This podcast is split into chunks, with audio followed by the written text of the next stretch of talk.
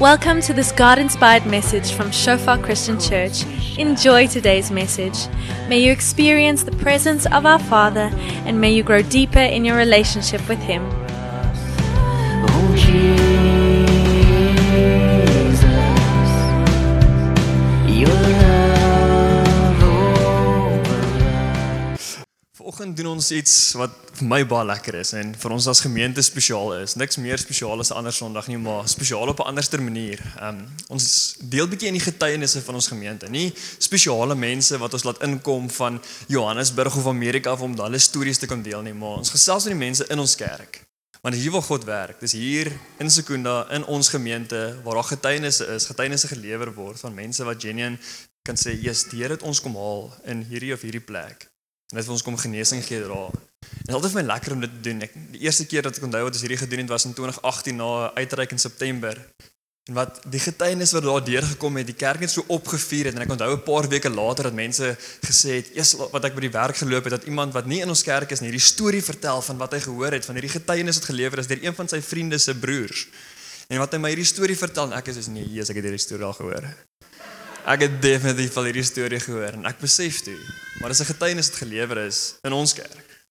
En dit is my so lekker as as iemand die boldness het om op te staan en te sê ek gaan my getuienis lewer nie om wat ek oulik is of omdat my storie mooi is nie, om regtig die gemeente te bedien. En met almal wat ons gaan met ses mense gesels vanoggend en met almal wat ons gesels het, het ek em, gedeel in die week en gevra vra die Here wat wil hy hierdie gemeente mee bedien vandag? En waar in my lewe is daar iets wat ek kan deel om dit te bedien? Nie wat van my storie is oulik nie. Nie eers Renier het 'n cool storie en en daarom kom deel dit nie, maar meer wat is daar wat die Here vandag vir die gemeente wil sê?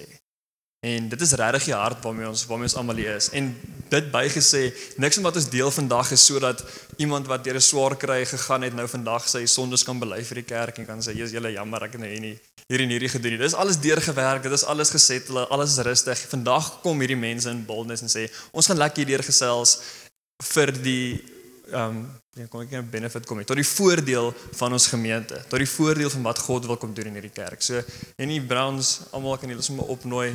Kan jy so by ons kom sit? Koos ek wil almal sommer net voorstel. Ons het Henny en Bellini so langs my dan Vian en Dan en dan Vian en Robin. So dis net een kappel wat dan nie Vian het nie, hulle memo gemis.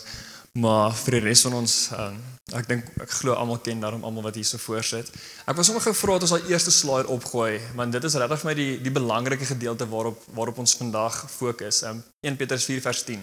As mense vra, hoekom doen ons hierdie? Soos hoekom sit hierdie mense hier voor vandag? En sê 1 Petrus 4 vers 10 vir ons, God het aan elkeen van julle uitsonderlike talente gegee. Moenie dink dit is julle wat so goed is nie. Nee, dit is God wat eintlik so goed vir julle is. Daarom moet julle julle talente gebruik om ander ander om ander te sal. Oef, jy het dit verkeerd geskryf. Om ander te help. Ek weet nie jy verdien was 'n ander versie. Maar dit is regtig hoekom elkeen hier is, omdat God gee vir ons 'n talent of 'n storie of hulp of iets in die lewe wat ons gaan gebruik om vir die gemeente hulp te gee, om vir God se mense te bedien. En dit is presies wat dit is. En daai gemiddelste stuk wat ook sê, dis nie omdat enige een van hierdie ses mense spesiaal is nie. Niemand hier is meer spesiaal as iemand op daai kant sit nie, maar hierdie is net waar God gesê het, vandag is dit julle beurt om gebruik te word. En sommer thanks vir elkeen se se tyd en se liefde om te sê, "Jesus, like, weet julle wat ek is, ek is bereid om te deel." So on, onder elkeen van julle sommer net ook daarvoor. Ek wil begin daar by die Pietersens daar in die middel.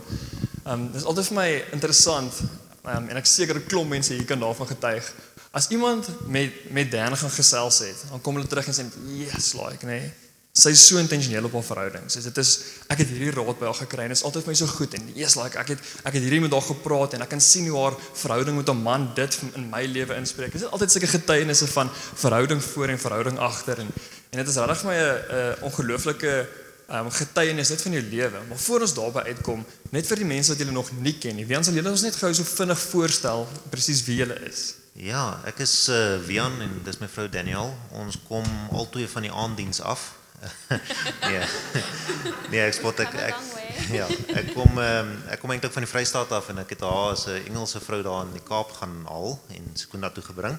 So nou kom ons van Sekunda af en ons drie kindertjies, hulle is uh, nou nie hier vanoggend nie, hulle sal vanaand uh, kerk toe kom, maar hulle is 6, 8 en 10 jaar oud. So dit is die Pietersens. Pietersens inderdaad. Ehm um, Dan maar wat ek net nou gesê het ons dan gaan ons in Engels deel. If you don't understand English please please put up your hand and this is a contradictory question. So if you understand that and a hand goes up now. Okay, great. I see we're on the same page.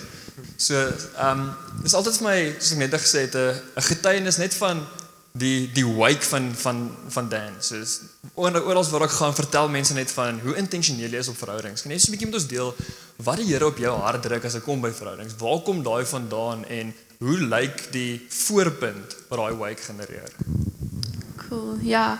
Um, I think, yeah, I'm passionate about relationships. Um, and I think the Lord is too. Like, the Lord really loves relationship. Like, He loves relationship between us and Him. And He loves relationship between Christians, like with our brothers and sisters. He wants us to be in relationship and He wants us to do it well. Um, I think that's really his heart. So much of the Bible is talking about how do you do relationship well? How do you relate to other people? Um, and I think, yo, there's so much testimony that I could share of things that the Lord has done um, in my life and things that I've seen that have come out of relationship. Um, and some of it is so lovely. Some of it is things like um, you walk alongside another Christian and you see, wow, they have this amazing love for people, and that grows in you a love for people. Um, or you're going through a hard time and someone comes alongside you and they encourage you, and you see, wow, look at God's love for me through this person. And like, I think I'm, I'm often inclined to think of those lovely ways that, um, that the Lord has used relationship in my life. Um, but what I really want to share with you this morning is a testimony about how God has used relationship in my life in some quite like unlovely ways as well, like um, in some hard ways that, that have really grown me. Um, um, yeah, so the testimony that I want to share is really sort of of a season in my life where I had very young children um, and babies, and it was like a really hard season. And before that, like I'd always been able to keep a distance from people in a sense because I had good friends and I had good relationships. But when they get like a bit sticky or a bit hard, then I just step back a little bit and you give it a bit of time and then it gets better. But when you're married and you have small children, you can't do that. You can't be like, I'm just going to step back from my kids and then it'll like settle down and then I'll go back in. And so I found myself in this spot where I was suddenly just like bumping into people all the time in a sense. Like I was like constantly confronted with people and then having to be confronted with my sin. Because when you bump into people, what you're really bumping into is your own sin, right? Um, and so I had gone from this place of feeling actually like quite godly, where when I would repent of things, it was always things like in my heart or in my thoughts, you know, like, like these very like almost theoretical kind of sins. And now I had these small children and this husband, and I was having to repent of things like shouting at someone because they took too long to get into a car. Like when you don't have children, you don't have to repent of stuff like that. like it just was like new stuff that I hadn't struggled with before. Um, and, and like really yucky stuff, like shouting at people that you love. Um, and I developed like also this massive struggle with discontent because I realized up until then in my life, like if I hit some discontent, I'd just make some changes. But now I have a husband and I'm like, I want to move to the Cape. And he's like, No, we'll stay here. This is where the Lord wants us to be. Now I'm bumping into like massive discontent and having to realize like my heart is just like really yucky. And it's not that having children and having a husband like made me more sinful. That sin was always in my heart. It was always lingering there. But God took these relationships and He used them to show me no, like, you don't just have these theoretical struggles with sin, you have real, proper struggles with sin. Um, and I did like a really silly thing when I bumped into all this sin. Um, and I think it's maybe, it sounds funny because I'd been a Christian for a long time before that, but it was like my first real confrontation with really having to fight sin. Um, and I like would look on Facebook for answers, and I'm sure you guys can relate that like you struggle with this like oh the like life just requires too much of me, and then you go into social media and you see that the answer is that you should just like self-care or have a good bath or and it's not, yeah, you're laughing now. It sounds silly, but I believed it. I was like, a bath will do it. this will fix all my problems. And obviously, it doesn't. Like, I had like a gaping wound, and I was like, how about I lie down and I just put a plaster on it? And then, obviously, when you get up, you still have all those same sin problems. Um, so, like, all the advice that the world was giving me and that social media was giving me was just frustrating me because it would like work for five minutes, but then I still had to face the fact that I was sinful. Um, and the Lord really had to come and show me your problem is sin. And when you realize your problem is sin, you know the answer. Like the answer is actually really simple. All that I had to do was come to the Lord and repent and ask Him to give me strength to, to face it and to fight the sin. Um, and yeah, it was like a massive, massive change for me when I realized, okay, it's a sin problem, not a problem with my life. Um, yeah, and I can also just testify this morning, like, I still have so many of those same struggles. Like, it's not like the struggles are gone. Um, I still am very tempted to shout at my children if they take too long to get into the car.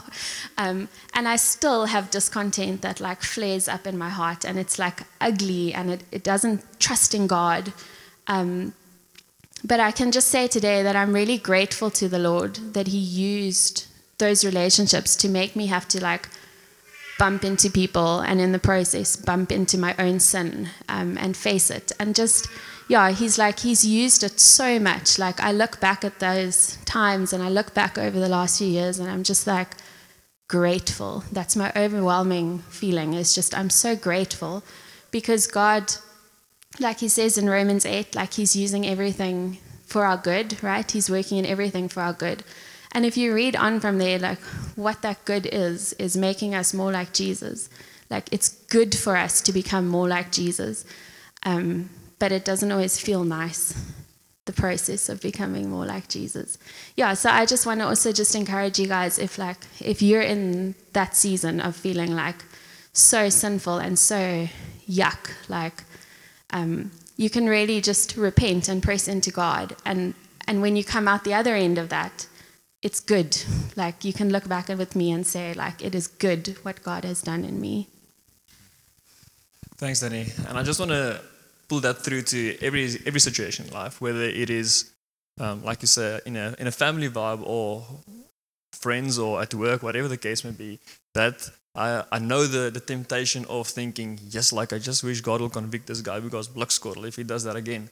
Um, but the two steps back from that is, Lord, please come and show me where I can grow. Like you say, when you bump into someone else, you often you, you stumbled over your own sin and they were coincidentally in the way. But getting getting our own sin out of the way first is our top priority, and then after that we say, "Well, God, come and bring your conviction into into the, into the situation." And I just want to quote that verse or read that verse which you quoted um, in Afrikaans. Uh, ons kan nou van een ding seker wees. Um, dis Romeine 8. Ons kan van een ding seker wees. God gebruik elke ding wat in ons lewens gebeur om sy doel te bereik. Vir ons wat vir God liefhet, werk alles tot ons beswil uit. Nou sy sy doel en ons beswil is een ding. Dit is maak ons meer soos Jesus. Ons beswil is nie dat my dat daar minder konflik by die huis noodwendig is nie. As daar iets uitgesorteer word by die huis moet dit uitgesorteer word. Dis ook nie dat daar meer geld in my bankrekening kan wees nie, want as daar iets is wat die Here op my hart druk om te doen, moet dit gedoen word. Ons beswil en sy doel is albei dat ons meer soos Jesus kan raak. En dis presies wat Danny ook vir daarvan ons gewys het is waar sy waar sy leer in daai tyd dat Here, daar is moeilike goed en daar is taaf goed, maar hierdie sonde wat in my is, moet ek moet ek mee deel deur U sodat ek meer as U kan raak. Ek sê daai dan. Dan vir my die ander kant van wat ek ook baie keer hoor van die van die Pietersens wat of wat vir my lekker is wat ek ook aan van kan getuig, is net net vertel van julle van julle drie oulike kinders. Maar kinders is 'n is 'n uitdaging of hulle nou oulik is of nie. Ehm um, en jy kan dalk sê hulle is oulik, maar elke paar dink sy kinders is oulik. Nee, ek grap soms, ek dink my kinders is ook oulik. Ek is net so baie soos jy. Um, maar daar's 'n daar's ook 'n verantwoordelikheid as ouers om te sê wat wat moet wat kan God ons leer as ouers om hulle groot te maak? Maak ek hulle groot soos ek wil, want dit is 'n gevaarlike ding? Of maak hulle groot soos wat God wil? En baie keer in daai tyd, dan vind ons onsself, Here, wys my hoe my kinders groot te maak en wys die Here en sê, "Yes, like, nee." Dit beteken ek moet eers 'n paar van my nonsens uitsorteer. Dis like hierdie kind wat nou alweer optree soos ek. Ek wens hy wil net ophou. En en dan moet jy 'n paar van van die goed aan jou kant gaan gaan eers uitsorteer. So, wat is die goed wat jy wat jy wat jy sal sê jy die Here al kom kom leer het ek kom sê dis wie aan jy as pa. Dit is wat ek in jou hart wil kom vestig as om om 'n ouer te wees. Ja, dankie Renier. Net om 'n bietjie agtergrond te gee. Ek is um ek is 'n koshuiskind gewees heel my, my hele lewe. Het op koshuis toe gegaan en tot my 6de jaar in die koshuis gewees. So ek is um ek is deur baie kamermaats, seker 'n stuk of 20 kamermaats en um met al die kamermaats het mense 'n wêreldse skill geleer en dit is om um as jy nie lekker klik as kamermaats nie dan kan jy maar net um sny jou verhouding af met jou kamermaat en jy kan baie suksesvol deur 'n hele jaar gaan saam met die ou bly maar jy het glad nie 'n verhouding saam met jou nie. En um en ek het daai skill gevat in my in my in my huwelik in en ek is soos uh wanneer ook al ek en Danny beklei um en sy maak my kwaad en en dan dan voel ek net jy sien ek ek word versoek om weer na daai solution toe te gaan en en net ons verhouding so half net bietjie couple of notches af te draai en te sê okay ons hoef nie so baie met mekaar te doen te hê nie. Ek kan selfs in die slaapkamer gaan slaap en dan hoef ons dit te beklei nie en ons kan maar net soos half saam die die kinderding doen en die kinders half lewendig aan die ander kant uitkry. Dan het ons mos sukses daar's nou niks vir daarmee nie maar dan ehm um, dan word ek herinner en ek sal bietjie later terugkom van hoe hoe word ek herinner maar ehm um, word herinner daaraan soos hy net gesê die Here gebruik verhoudings om mekaar te shape en en dit is nie sy wil dat ons daai tipe verhouding hê nie. En ehm um, en en dit is dis die verhouding met my vrou en en met die kinders is dit dieselfde ding. As jou babietjies by die huis aankom, dis nie maklike tye nie. Dit is ehm um, doeke en en en skree en min slaap en goeters en ehm um, en jy word versoek om half te onttrek en en ek kon op daai stadium kon ek maklik tot 7:00 in die aande half uh, by die werk bly want ek het baie werk om te doen en goeders en ehm um, maar dan dan dan word ek al herinner dat dis nie waarop ek ge, geroep is nie. Ek's geroep om by die huis te wees en en met my babatjie 'n verhouding te hê.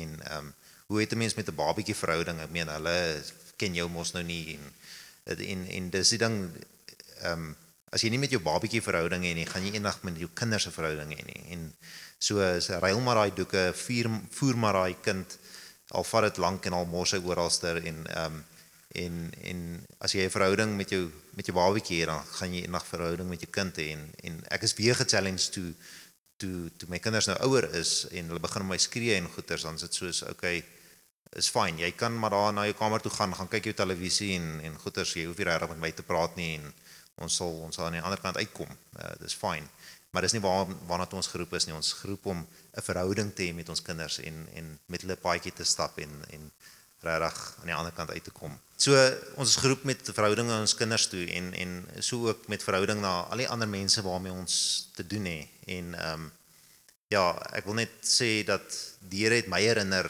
en hy het op my op verskeie maniere herinner dalk in 'n in 'n preek soos hierdie of 'n 'n sessie soos hierdie dan dan dink ek bietjie daaroor en ek sê ja, dalk moet ek bietjie meer 'n verhouding hê met my kinders.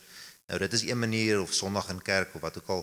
En uh, partykeer dan dan uh, kyk dan herinner my vrou my dat dat ek moet verhoudings hê met en my verhoudings bou met my kinders en ek is baie dankbaar daarvoor gewees. En dan ook natuurlik in jou in jou binnekamer waar jy stilte tyd het en en jy gee dit oor aan die Here. En ek het nou al gesien as ek hierdie struggle het met my kinders of met my vrou en uh, ek konfess dit net aan die Here en ek sê Here ek is nou so kwaad vir my vrou. Dan ehm um, dan dadelik word daai fokus geskuif na my anger en en my vrou se sonde in my oë na ehm um, wat is my verantwoordelikheid in hierdie en hoe gaan die Here my help? So ja gaan na die Here toe en en die Here sal vir jou krag gee. En ehm um, vir my ek het nou ek het 'n goeie verhouding met my ouers en my broer en suster maar dalk lyk dit bietjie anders in julle lewens. Dalk dalk is dit maande laas wat jy met jou pa gepraat het of jy praat meer met jou broer of suster nie of of so iets. Ehm um, so dit lyk anders in almal se lewens, maar vat daai struggles na die Here toe en sê Here, help my met hierdie. Ek is kwaad, ek is seer gemaak en ehm um, en vat dit dan van daar af. Dankie Renier. Thanks Bian. Ek was net iets uitlig van wat Bian gesê het, want hierdie gestrek baie verder as as ouer wees of pa wees. Daai van daar's 'n 'n kindjie by die huis, 'n baba by die huis waar jy geen baat vind om 'n verhouding het mee te hê op daai stadium nie. Nul. 'n Baba is seker op 'n manier gesê die, die selfsugtigste wesen wat daar is. Hy gee niks terug nie. Jy jy gee en jy gee en jy gee en jy invest, maar daar kom niks terug op daai stadium nie. Maar baie keer sien ek dit in die samelewing ook. 'n Vriend, 'n kollega by die werk, iemand wat dalk saam met jou swat of saam met jou in die koshuis is. En daai ou het nie het hy bied jou niks op daai stadium nie. Om die moeite te doen om in daai se lewe te invest of om te wys ek is daar, ek is hier vir jou. Die dag wanneer daai verhouding 'n tiener word en daar's 'n moeilike tyd en daar dit en daar's suffering daarso. Daai ou kom terug na die een ou wat daar was vir hom toe hy klein infant was. En hy sê hierdie ou weet ek sal vir my bid.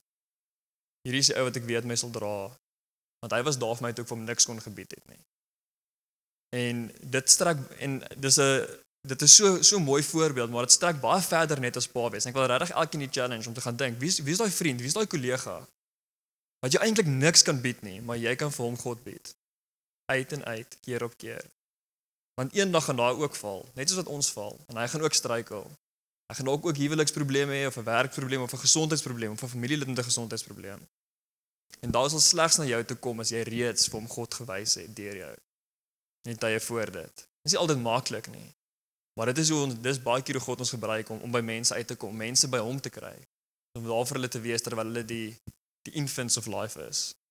Maar op 'n later stadium as die verhouding vir, al bietjie gegroei het, dan gebruik ons en sê, "Maar nou is dit die tyd dat ek graag wil hê jy moet invest in hulle." Thanks Jan. Nee, Beline, ek wil sommer vir julle vra so ek gaan nie met julle twee apart praat nie, maar so saam saam vra julle om julle 'n bietjie voor te stel wie is julle en en waar kom julle vandaan? Okay, Renier het ons gesê ons moet oor goed praat wat ons wat ons goed ken. So ek gaan net sê ons uh, Golf. hierdie is my naam is Henny, ek is seker daarvan.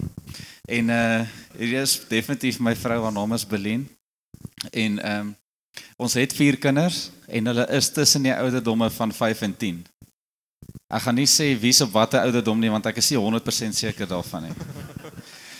Maar ons het vier kinders en hulle is tussen daai ouderdomme. So ehm um, Okay, so ek sê alleen nie. Hy sê hy moet syne neerskryf. Ek sê alleen nie. Ehm um, ja, ek en Beline het mekaar in Johannesburg ontmoet. Ek moes 'n jaar teologie gaan swat om haar te kry en ehm um, toe is ons albei net bly daar terug in bediening in. So dis ons so in kort. Cool. Ek gaan sommer dan met die met die deur in die huis val en vra, julle is al 13 jaar getroud. En die huwelik is soos wat ons weet, dis een van die dis seker die mooiste ding wat God vir ons kom gee en die maklikste ding en die ding wat die wat die maklik net natuurlikste kom en ons nooit probleme nie en die huwelik is net 'n ding wat soos jy net vooruitvat en voor jouself weet is almal bekeer en niemand beklei nie en dis awesome. Ehm um, hoor ek. Nie altyd so nie. Ehm um, maar op daai op daai presies op daai noot. Ehm um, ons kry baie keer idealistiese prentjies van van huwelike en dit is 'n great huwelik, maar jy kan ook getuig dat 'n huwelik is nie altyd net maanskyn en rose nie. Jy jy vat ook partykeer die roos en partykeer wat jy mis en jy vat die doringkie raak. Hoe hoe lyk dit in julle lewe en wat het God vir julle kom wys in daardie tyd? Wel, ehm um, ek moet hierdie deel vertel want Danny kan nooit kronologies onthou wat het waar gebeur nie. Hy het net so 'n general idee van Ek weet dit het gebeur. Seker wanneer nie. so, uh, ons het ontmoet in Johannesburg en ons het dadelik baie baie goeie vriende geraak en ehm um, ek het as 'n jonk kind gebid en ek het die Here gevra om my hart te beskerm dat ek nie my hart verloor op die verkeerde ouetjie nie, nê. Ehm um, en ek moet sê die Here was baie getrou. Ek het nooit 'n vaste kerel gehad nie en ek het eers gaan swat op 21 sit in die tyd het ons ontmoet het.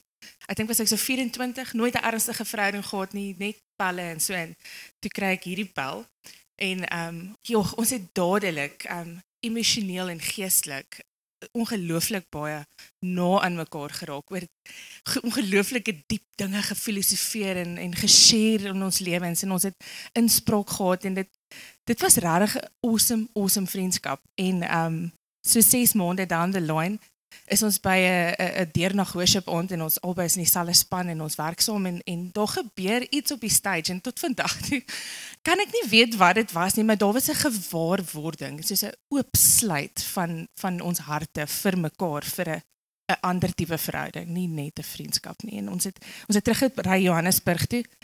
Ehm um, van Delmas af waar ons bedien het en ehm um, ons sit in verlang in stilte gery en en eventually van mekaar gesê hoorie het jy ook beleef wat ek beleef het en ons kom toe agter ons het presies dieselfde ervaring gehad en ons voel ons moet in 'n verhouding wees. Die Here het ons vir mekaar gegee vir die huwelik vir eendag. So ons het toe besluit okay, ons gaan in 'n verhouding in. En ehm um, dit was nie 'n maand nadat ons besluit het ons is nou gekeis nie. Toe kry hy nie 'n werksaanbod in in Witbank om worship leader te wees en ek voel wel ek moet saamtrek want ek kan nie dat hy alleen trek nie in my hart is hy my man. Ons is nog net nie actually getroud nie, maar hierdie is waartoe dit gaan en hoe gaan ons 'n verhouding hê as ek in Johannesburg bly werk en aangaan in huis in Witbank. So ek trek saam. Gelukkig het ek vrie, uh, baie familie in Witbank. So trek in by ouma vir Tannie en ons soek 'n woonstelletjie vir hom en 'n woonstelletjie vir my en ons ons doen hierdie ding en tog val alles uitmekaar uit. Hierdie fantastiese vriendskap wat so geheg was, is so onder aanval. Ons ons het skaars gepraat met mekaar met tye. Ons was um verskriklik lelik met mekaar vanuit seer uit. Um en niks van daai daai vriendskap was meer sigbaar nie. Dit was absoluut aaklig. So na 'n jaar van uitgaan um voel ek amper ons ons kan hierdie nou maar stop. Ons het dalk maar verkeerd gehoor. Ons het ons het misgevat eers want hierdie gaan nie werk nie. Ons is regtig lelik met mekaar en dan ons is nie besig om te belê in mekaar se lewens nie. Inteendeel ons is besig om mekaar af te breek. So hy kom met 'n uitnodiging. Hy sê kom, ek en jy gaan bietjie Menlyn toe. Ons gaan kuier bietjie daar, drink 'n koffie en ek dink nou kies hy nog Sinneban, my favourite treat en hier gaan hy nou vir my sê, "My girl, jy's nie meer my girl nie." So ek berei myself vir die hele tyd in die karpad sien toe. Jy weet voor ons gaan nou uitmaak. Dis nou klaar dis tickets. En ons sit daar en ons bestel 'n koffie en 'n sinneban. en ehm um, hy sê, "Belien, ek dink ons moet trou." Dis wat? Is jy mal? Ons kom nie eers hierdie weg nie. Ons is so lelik met mekaar. Inteendeel, ek kan nie eers met jou oogkontak maak nie. Kyk jy daai kant toe en kyk ek die kant toe. Nee, en hy sê ek voel die Here het ons bymekaar gesit vir 'n baie spesifieke rede en ek dink die rede is nog steeds daar. Ons moet hierdie uitfigure, maar ek wil dit eerder saam met jou uitfigure as wat ek dit alleen uitfigure. So, net daar en dan in die sinneband in Menlyn raak ons verloof. Lovely. Ons gaan soek 'n ring in die winkel. Dit is baie romanties. Ek dink die Here het 'n baie praktiese pad met ons gestap hoor. Maar anyways, Not op of my gesit. Asseblief. Okay, maar wag, die storie gaan so. ons kom terug in Witbank. Die enigste datum wat ons kan kry wat nog so half in die somer is wat nou nie 100 jaar in die toekoms is nie, is 3 maande na ons verloof geraak het. So, ons reële troue in 3 maande en ons trou. Maar niks het verander nie. Ons het gedink as ons trou en hierdie ding saam aanpak, gaan daar sekere goed weer terugkom wat ons verloor het. En dit het nie, inteendeel. dit het 'n vergrootglas gesit op alles wat reeds nie lekker was nie. En um, ons is in bediening, ons het dit nou gesê vir baie lank, ons het self mense beraad en en geleider goeders en ons het al die tools wat ons gehad het probeer gebruik om om ons huwelik te red. En amper 10 jaar na ons getroud is, het ons nog steeds nie dit reg gekry nie. Ons ons was so disconnected. Ons het 'n fantastiese span as ouers gemaak. Ons was baie goeie housemates. Maar emosioneel en geestelik was ons baie disconnected. En ehm um, ons het amper besluit om mamma te aanvaar dit is hoe dit is.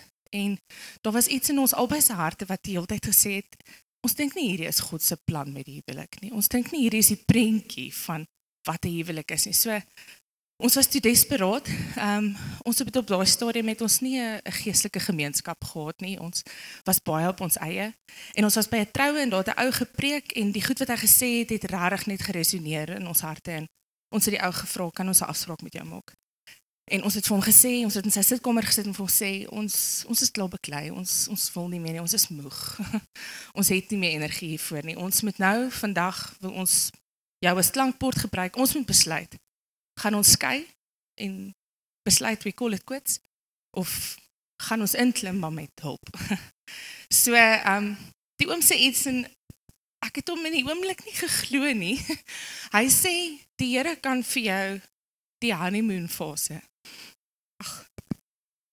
Hy kan vir jou die honeymoon fase teruggee wat jy nooit gehad het nie. Want onthou, ons het so beklei, ons het nooit daai verliefde gevoel, daai euforiese gevoel gehad van net nou ons getroud is, daai butterflies nie.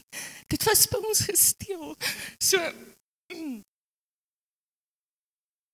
Die oom sê die Here kan jou kan dit restoreer in ons. Ek kyk so vir hom en ek dink ek is 'n baie kritiese denker. Hierdie klink soos groot pot nonsens.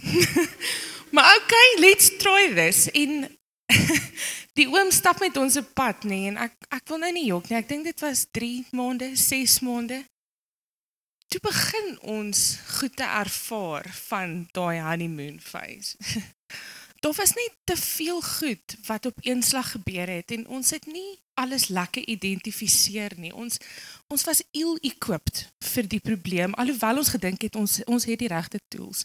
Ons het nodig gehad om na iemand toe te gaan wat 'n objektiewe derde party is en wat kyk na die breë spektrum van alles wat aangegaan het. En hy het ons so mooi gehelp om die goed te identifiseer en hy het ons deur innerlike genesing gevat en bevryding en en al hierdie goeders en ons het vandag 'n wonderlike huwelik. en ons maak nog baie foute en ons moet mekaar nog gereeld herinner aan die tools wat ons gekry het in daai sessies saam met die ouma. 9 jaar, amper 10 jaar was by ons gesteel en en ek het een keer met die Here gesit en ek was so rebels in my hart, so opstandig en ek sê Here, ek het alles reg gedoen. Ek het nie los en vas uitgegaan met oudjies nie. Here, ons albei was maagde die dag wat ons getrou het. Hoekom hoekom het die Here dit toegelaat dat daar so baie gesteel is? Die Here sê dis sodat jy eendag ander ouens kan help wat ook sukkel hiermee, wat ook struggle hiermee. Nommer 1.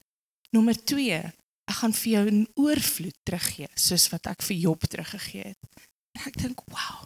En ek moet sê vandag as ek terugkyk op wat ons het, wat ek gedink het nie moontlik gaan wees nie, is dit soos Job. Die Here is 'n God wat hou van restoreer. En hy doen dit spontaan en daar's soveel skrifgedeeltes wat praat van die feit dat hy restaurasie bring. Ek het gekyk, ek het dink ek het gestop by 6 skrifgedeeltes gisterond wat praat van God se hart is daar om te restoreer. So ek weet nie of dit dalk vir iemand hier vandag is nie, maar community is ongelooflik belangrik. Jy mense rondom jou met wie jy kan chat, wat jou net kan help sien wat jy nie sien nie. En nommer 2, God kan restore alles wat jy gedink het jy nooit weer gaan hê nie. Hy kan dit restore volkome. Thanks Blaine. Ek was sommer net by daai twee punte aansluit. Um baie keer en ek dink dit is dis 'n baie Afrikaanse kultuur soms om te sê keep your crap together. Dis hou jou varkies bymekaar. En die oomblik wanneer jy vir jou pel sê, "Ja, sorry, ek sukkel bietjie hiermee," sê jy eintlik jou pel is beter as jy. Niemand like dit nie. Maar wat ons hieruit net leer is, maak asook hoe goed jy dink jy toegerus is om jou om jou eie goed uit te sorteer. Dit is dalk jy moet te werd om om die ou langs toe te gaan te sê, "Oor die bid net saam met my hiervoor." Dalk sukkel my huwelik met finansies. Om iemand te gaan sê, "Help my met my finansies," want dis 'n klomp goed wat jy onder lê. En die tweede ding en ehm um, ek wil regtig net dit, dit weier maak as huwelik soos dit sê is God kan restoreer wat jy wat jy voel die vyand van jou of wat die vyand van jou gesteel het. As jy dalk in 'n huis groot geword het waar daar 'n geskeide huis groot geword en jy het nooit die sense of family, die sense of belonging gehad soos wat daar soos wat jy dalk jou beste vriend by die skool gesien het nie. Here kan dit vir jou kom teruggee. As jy dalk groot geword het in 'n plek wat jy 'n slegte verhouding het met jou pa, die huis was dalk semi heel en almal was in die huis, maar jy het 'n slegte verhouding met jou pa of jy het hom nooit geken nie of hy het jou dalk sleg hanteer en jy voel ek het nooit 'n pa gehad wie ek kan lief wees nie. Die Here wil dit vir jou kom restore en hy kan. En so gaan die voorbeelde aan, een na die ander. Al daai van alles waar jy voel dis die van hierdie vir my kom steel en hierdie vir my kom steel. So jy nou korrek gesê het om te sê dat honeymoon phase, dis nie 2 jaar na jy getroud is en daarna raak dit anders. Dis nie 'n vrou wat nie getroud is voor nie, ek graf sommer. Ehm um, dit is dis nie waar nie. Die Here kan dit vir ons kom restore 40 jaar in die huwelik in. En Deuteronomium 30 sê dit so goed.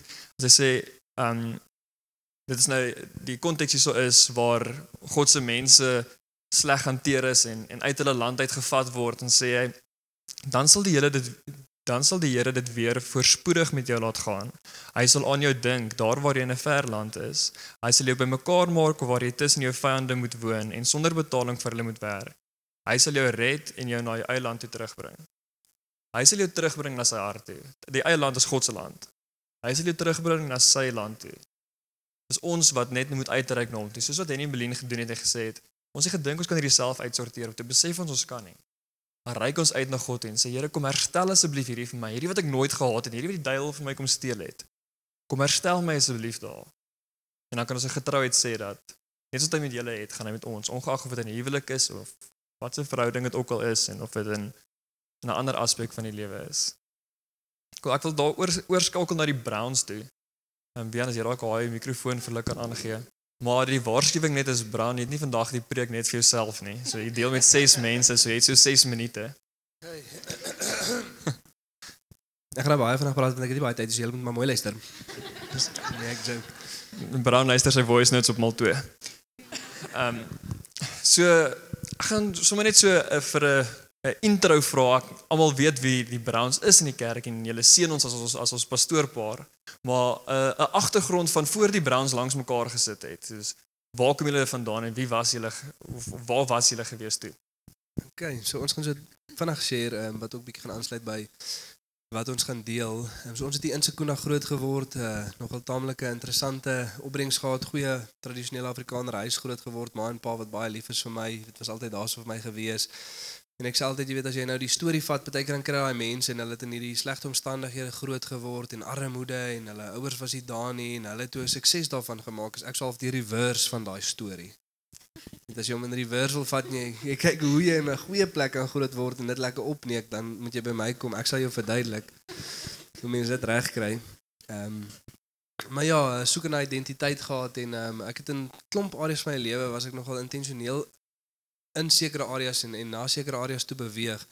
Maar die rede vir dit was sodat ek 'n identiteit kan kry, weet sodat mense om my my kan aanvaar en die snaakse ding is jy weet jy dit lyk so of jy half lewe en nog 'n goeie ouers want jy dink so baie aan die mense om jou, maar jy dink so baie aan hulle want jy dink eintlik aan jouself, jy weet, nou nou dink hulle ek's nie 'n oulike ouetjie nie. Um, en dit het my na baie plekke toe in my lewe gevat en um, ja, ook die idee gehad jy weet van ek wil sekere goeders doen, ek wil hê mense moet so optree en ek is op pad iewers heen en toe obviously toe ons trou toe raak ek ons uh, en toe raak dit 'n bietjie interessant, ja. Okay, so ek het ook in 'n tradisioneel Afrikaanse huis groot geword. Um maar my ouers is geskei toe ek 8 jaar oud is. So die effek daarvan was dat ek intentioneel in die rigting was om onafhanklik van enige persoon te wees. So ek was soos julle ek gaan my eie geld hê, gaan my eie hê en as my man nie doen wat ek wil hê hy moet doen nie, dan skop ek hom uit. Soos ek gaan vir hom vra vir niks nie, soos ek sorg vir myself en hierdie is wat ek wil bereik en hoe ek dit gaan bereik. So ek was redelik intentioneel op pad om my eie huisie te bou en ja, te doen wat ek dink ek wil doen. En ehm um, Ja, kan nou ook baie deel, maar gaan nou spesifiek praat oor intentioneel wees. So dit was waarheen ek op pad was en toe stop die Here ons 'n bietjie en um, in 2014 het God ons kom red. En die Here het in my hart begin werk en vir my begin wys stadig dat hierdie onafhanklikheid is nie van hom af nie. Um inteendeel, ek moes repent daarvan want ek moet ona, ek moet afhanklik van God wees. Jy is jy is jy kan nie onafhanklik wees van hom nie. En ja, oor oor kom ons sê die jaar daarna, dit was die jaar daarna gewees in 2015 toe bereik ek daai onafhanklikheid. Um ek het 'n plek gehad waar ek gebly het, 'n uh, werk gehad, genoeg geld verdien waar ek vir myself kon sorg en half gestudeer en gedoen wat ek studeer en ek was soos ek het dit nou bereik en die Here sê nou gaan jy sekunda toe en ek is soos ah. maar in 'n geval toe um kom verander die die Here regtig my hart om Ja, ek het dit nou nie eens gesê nie. Ek praat so vinnig renier maak om besin wees want ek het so 'n paar minute, maar ek gaan nou sê nê. So toe voel ek soos ehm um, so bietjie te mekaar, want waarheen gaan ek nou gaan? Verson ek het nou al vir die ding bereik wat ek wou en nou sê die Here en in sy woord is dit baie duidelik dat ons is 'n ons, soos ons gaan nou train, ons gaan ons wees. So ek kan nie meer werk intentioneel om onafhanklik te wees nie en ek inteendeel ek moet nou afhanklik wees en ja uit gehoorsaamheid aan God en sy woord en om onderdanig te wees aan my man het ek gelukkig getrek hiernatoe dis goed Dankie julle. Ehm um, ek wil net hulle praat dus baie van die woord intentioneel. Ek wil net nog 'n bietjie agtergrond gee op op Wian wat kan intentioneel wees. Ek ek het die voorreg om hom nou te ken, maar wat is die teenoorgestelde van voorreg? Die nareg. Die die die straf gehad om hom op skool ook te ken. Ek sê dit is 'n bietjie tong in die kies en ek onthou pertinent wat wat Wian by hy's so intentioneel om in 'n rak in te hardloop op die rugbyveld en iemand seer te maak dat dit ten koste van homself sal wees. Ek onthou pertinent eendag wat hy met krikke langs die rugbyveld opgedaag het in 'n moonboot. Nou aangekom het, gerustig gaan sit het, sy krikke neergesit het, sy moonboot afgehaal het, 'n 13 try aangetrek het en op die veld gehardloop het. Want vandag gaan hy iemand clean in 'n rak en dis klaar. En ek ek daai daai gedeelte van van Wian se persoonlikheid dink ek het dalk nie verander nie, maar Wian daai intentionaliteit is is iets wat in geloof vir ons almal belangrik is. En hoe sal jy sê vertaal 'n mens daai wat jy altyd nou van gepraat het? Ek was intentioneel op pad na X Y of Z toe, na in God se koninkryk is ek intentioneel op pad na wat hy my wil hê. En hoe lyk dit vir julle? Ja, nee maar met die rugby ding ook, julle daar's 'n gesegde, daar's niks wat 'n rolletjie tape nie kan fix nie. So maak nie saak wat se besering jy het of hoe aaklag die dokter sê dit is nie. As jy 'n rolletjie tape het, jy kan gaan speel.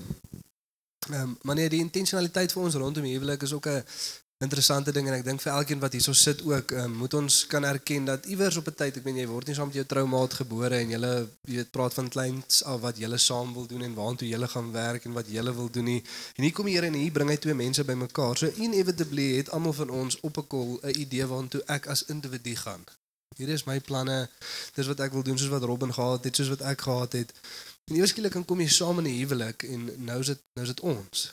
Dit is nie meer ek nie. Ehm um, en ek dink in baie gevalle lewe ons nog steeds baie keer met 'n ek mentaliteit net in 'n ons huishouding. Ek so pad soontoe, jy so pad soontoe, maar ons nooit regtig beleining rondom waartoe ons op pad is of hoe dit saamwerk vir ons nie. Ehm um, en dit het nou al goed ons het dit al reg gekry en ons het dit nou al glad nie reg gekry nie. Ons gaan nou eers eers ons goeie punte deel dat jy dink eers ja maar great en dan sal ons die die, die nie so goeie indeel nie. So ek dink een van die plekke waar ons dit regtig goed rond reg gekry het rondom intentioneel wees in ons huwelik en dit waarvoor God ons roep is rondom aanneming en fostering. Voordat ons getroud het, het ons geweet God is duidelik in sy woord rondom sy hart vir die wees en die weduwees. En as Christen moet jy dit ten minste intention ag intentioneel oorweeg. Jy moet daaroor bid, jy moet vir God gaan vra want dit is iets groots op sy hart. Hierdie ding is iets wat ons moet doen. Ons het daaroor gebid en saam besluit nie okay, maar ons gaan aanneem ons gaan kinders in pleegsorg hê en ons sal ook biologiese kinders hê as die ouetjies nou opdaag. Want tot toe een van hulle het nou al opgedaag. Ehm um, en wat vir ons so mooi was rondom daai intentionaliteit en daai beleiding rondom waar ons beweeg voor die tyd toe die boodskap kom op die groepie dis een van ons kerkgroepies gewees waar Werner 'n boodskap opgepost het oor 'n babietjie in Vryburg prem gebore 29 weke en hy kort 'n uh, huis oor 5 dae So ons is 'n jaar getroud en ek sien die boodskap op my foon, sy sien die boodskap op haar foon en die mense om ons weet ook waartoe ons op pad is. Dis 'n ons ding. En uh, ek het vir Robin gebel en daai gesprek was nie langer as 2 minute nie. Toe weet ons okay, ons gaan die babatjie gaan al oor 5 dae in Vryburg, maar ons het nog niks baba goed nie. Ehm um, en dit is hoe dit kan werk as jy intentioneel in 'n sekere area in 'n sekere plek in beweeg. Maar as dit kom by die bediening waarvoor God ons geroep het om saam mense te bedien en saam regtig mense op te bou en hulle te laat groei in wat God hulle geroep het, daar's dit ons 'n bietjie misgevat. En ek het 'n persepsie gehad en Robin het 'n persepsie gehad en sy kan julle dalk bietjie meer daarvan vertel. Okay, so van die begin af, ehm um, toe ons nou tot bekering gekom het, het Wian vir my gesê, ehm um, hy voel hy die Here roep hom om 'n pastoor te wees of om 'n gemeente te pastor of wat ook al jy dit wil noem. En ek sê soos ek kyk, great, ek weet waarvoor ek myself inlaat, so lief vir Jesus, dit klink awesome, verstaan. So hier gaan ons um Brown het al baie lank in die posisie gestap voordat hy die aanstelling gehad het. So in daai tyd was dit nog redelik maklik. Daar was nie kinders betrokke gewees nie. So dit was baie eenvoudig, verstaan? Ek het altyd die desire gehad om te doen wat hy doen. So okay, so ons kom intercession toe, amazing. Ons kom kerk toe. Um ons het 'n jeugsel, ons kuier met mense. Verstaan, dit is net een groot lekker jy doen jou roeping. En toe kry ons ons eerste babietjie en ons tweede babietjie baie naby mekaar. En ehm um, dinge verander toe 'n bietjie. En ehm um, ek kan toe nou nie meer al die goeders doen wat ek graag wil doen nie. Ehm um, ek kan obviously iemand moet by die huis bly as die ander persoon by intercession is. So dit om, omdat hy toe nou aangestel is by die kerk, is dit meeste van die tyd hy. So wat ek verkeerd gedoen het is ek het nooit um met Brown daaroor gepraat nie. Ons het nooit 'n intentionele gesprek gehad waar ons gesê het ek voel die Here lê dit op my hart. Ek bring dit na jou toe my man. Jy consider, jy kyk na ons huisgesin, wat ons nodig het, wat ook al en jy maak 'n besluit. So so gaan daar nou intercession na intercession en ek raak al hoe meer kwaad vir my man want daar's 'n desire in my hart om hier te wees en om by die mense te wees en ek raak kwaad vir God want hierdie kinders hou my weg daarvan. Ek bedoel en ek kan nie doen wat ek nou moet doen nie. En ook klim mens in 'n selfregverdiging boksing en jy maak dit ook 'n verskoning, maar daar was nie 'n intentionele gesprek om te sê maar ek het hierdie desire om te gaan nie. So wat gebeur is Wian vra vir my, gaan jy wanneer daar 'n geleentheid kom, gaan jy kom dan sê ek soos ag ek weet nie. Moet ek kom, moet ek nie? Ek weet nie. Verstaan ehm um, dit was baie moeilik geweest. Hy het nooit geweet wat in my hart is nie. En ja, toe die Here vir my kom wys soos dit was eintlik baie mooi. Eers het die Here sag vir my kom wys dat eerstens my kinders is 'n geskenk van God. Hulle moet my nie verder van God wegvat nie. Dit is iets wat jou nader aan God bring en dit lyk nou anders. Soos Danny ook gesê dit bring baie sonde in jou uit waarvan jy regtig moet repent en fisiese sondes. So toe ek dit besef, toe wat het die Here dit in my hart openbaar. So jy gaan deur marriage prep en mense sê vir jou ja, julle word een en al daai sinne en dit klink goed en mooi. En daar kom 'n punt waar die Here dit aan my openbaar en sê soos wanneer hy uitgaan en kom minister en ek is by die huis en able ek ons ministry nie sy ministry nie. Dis nie iets wat hy kom doen wat apart van my is nie. En ek kan nie vir julle sê hoeveel mense dit vir my kom sê het nie van die mense wat hier sit selfs wat kom sê dis julle roeping, dis op jou lewe ook. Dit is nie genoeg nie. Ek moes regtig by God gaan sit en daai openbaring ontvang om te weet maar dit is regtig 'n ons ding. Um dis nie iets wat Wian apart doen en ek sit by die huis en mis uit nie. Ja, en uh, ook om vir julle net ook te sê, ehm um, want soos ek, jy weet, ek vra nou vir Robin, gaan jy saamkom na hierdie goeters toe, gaan jy saam met ons hierdie ding kom doen, nou dat die kinders bietjie groter is, dan weer bietjie meer kapasiteit is. Want elkeen moet ook die oortuiging hê dat God ons geroep het om hierdie ding te doen. En vandat ons ook nou belaai net weer rondom daai gesprek gehad het rondom intentionaliteit en waartoe ons beweeg as 'n koppel, dan weet jy nie net waartoe gaan jy nie, maar jy weet ook hoe om jouself op te bou vir waartoe jy gaan. En Robin gaan ook nou weer begin swat teologie, counselling en sy sê toe, met aangesien ons hierdie nog die res van ons lewens gaan doen, kan ons seker net sowel leer om dit goed te doen, né? Nee?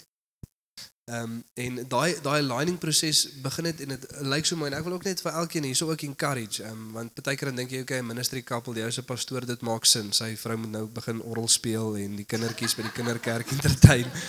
Ehm um, ons het die orgel gekry, ons kan nog nie speel nie. Ehm um, Maar maar jy dink sou ook dit maak sin vir hulle, maar hoe lyk dit vir ons? Jy weet moet ek ook nou 'n ingenieur word, moet ek ook nou 'n juffrou word? Uh, wat hoe hoe lyk dit vir my?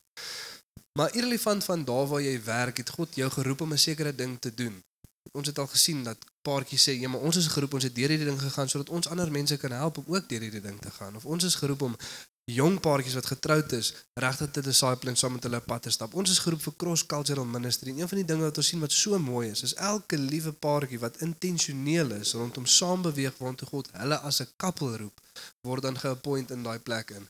En daar's van die mense in ons gemeente, maar hulle sal seker 'n bietjie nader aan die einde van die jaar ook hulle storie deel en ek wil julle ook net regtig challenge en encourage om te gaan sit en dink, ja, ek werk dalk hierso en ja, ek werk dalk hierso, maar wat is dit wat God ons voorroep?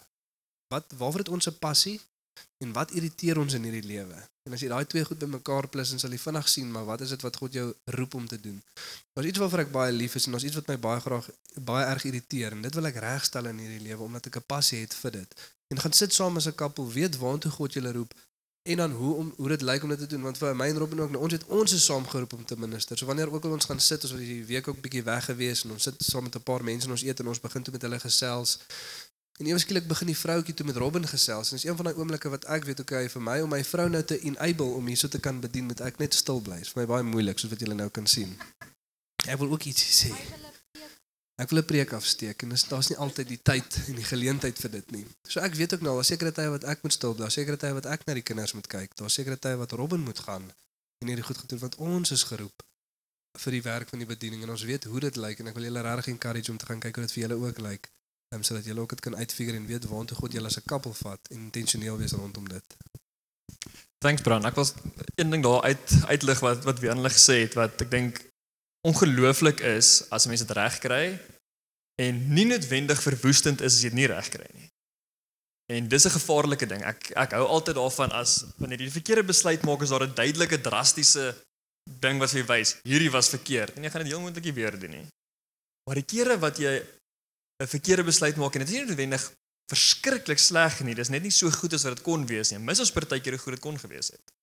En hierdie is een van die goed om intentioneel te wees met mekaar in 'n in 'n huwelik of enige verhouding, verloofde verhouding of ou en meisie, maak nie saak nie, maar om intentioneel te wees en te sê hiersoos wat ek op my hart voel, die Here my inroep, ons inroep, jou inroep, wat ook al die geval is. Ongeag of dit nou al aksie geneem word op.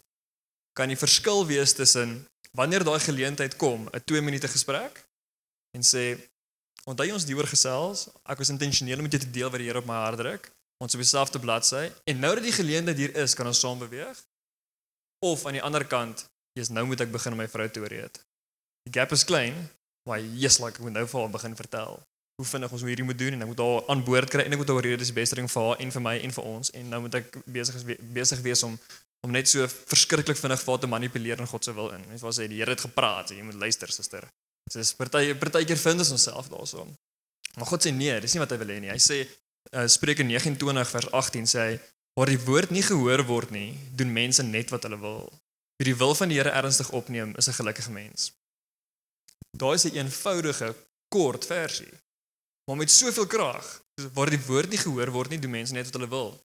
As ek nie vir my vrou sê ons moet ons moet môreoggend kerk toe gaan nie, gaan sy nie die doeke sakke pak nie. Want sy gaan dink ons is by die huis.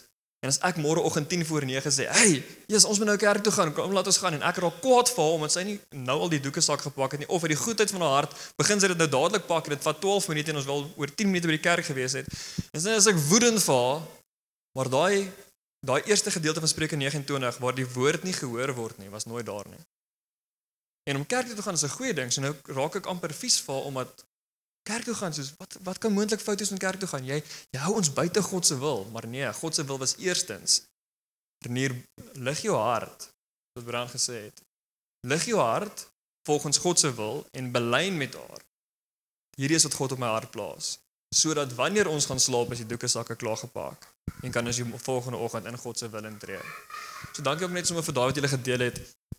Ek gaan sommer net so vinnig deur hardloop ehm um, wat uh, so ietsie uitpoint van wat elkeen gesê het. Ek glo regtig tussen wat by die Here vanoggend ons kom deur dit resoneer iets met elkeen van ons dienste se harte. Of dit nou is om te sê Jesus Here, 'n verhoudingsbesef ek het 'n impak in elkeen se lewe en ek gaan 'n verhouding hê met mense by die werk, mense by die kerk, mense in my gesin en ek gaan solank daai daai baba verhoudings gaan ek solank koester sodat wanneer hierdie verhouding 'n tiener word of wanneer dit ouer word en hierdie ou val uitmekaar uit, dat na my toe kan kom.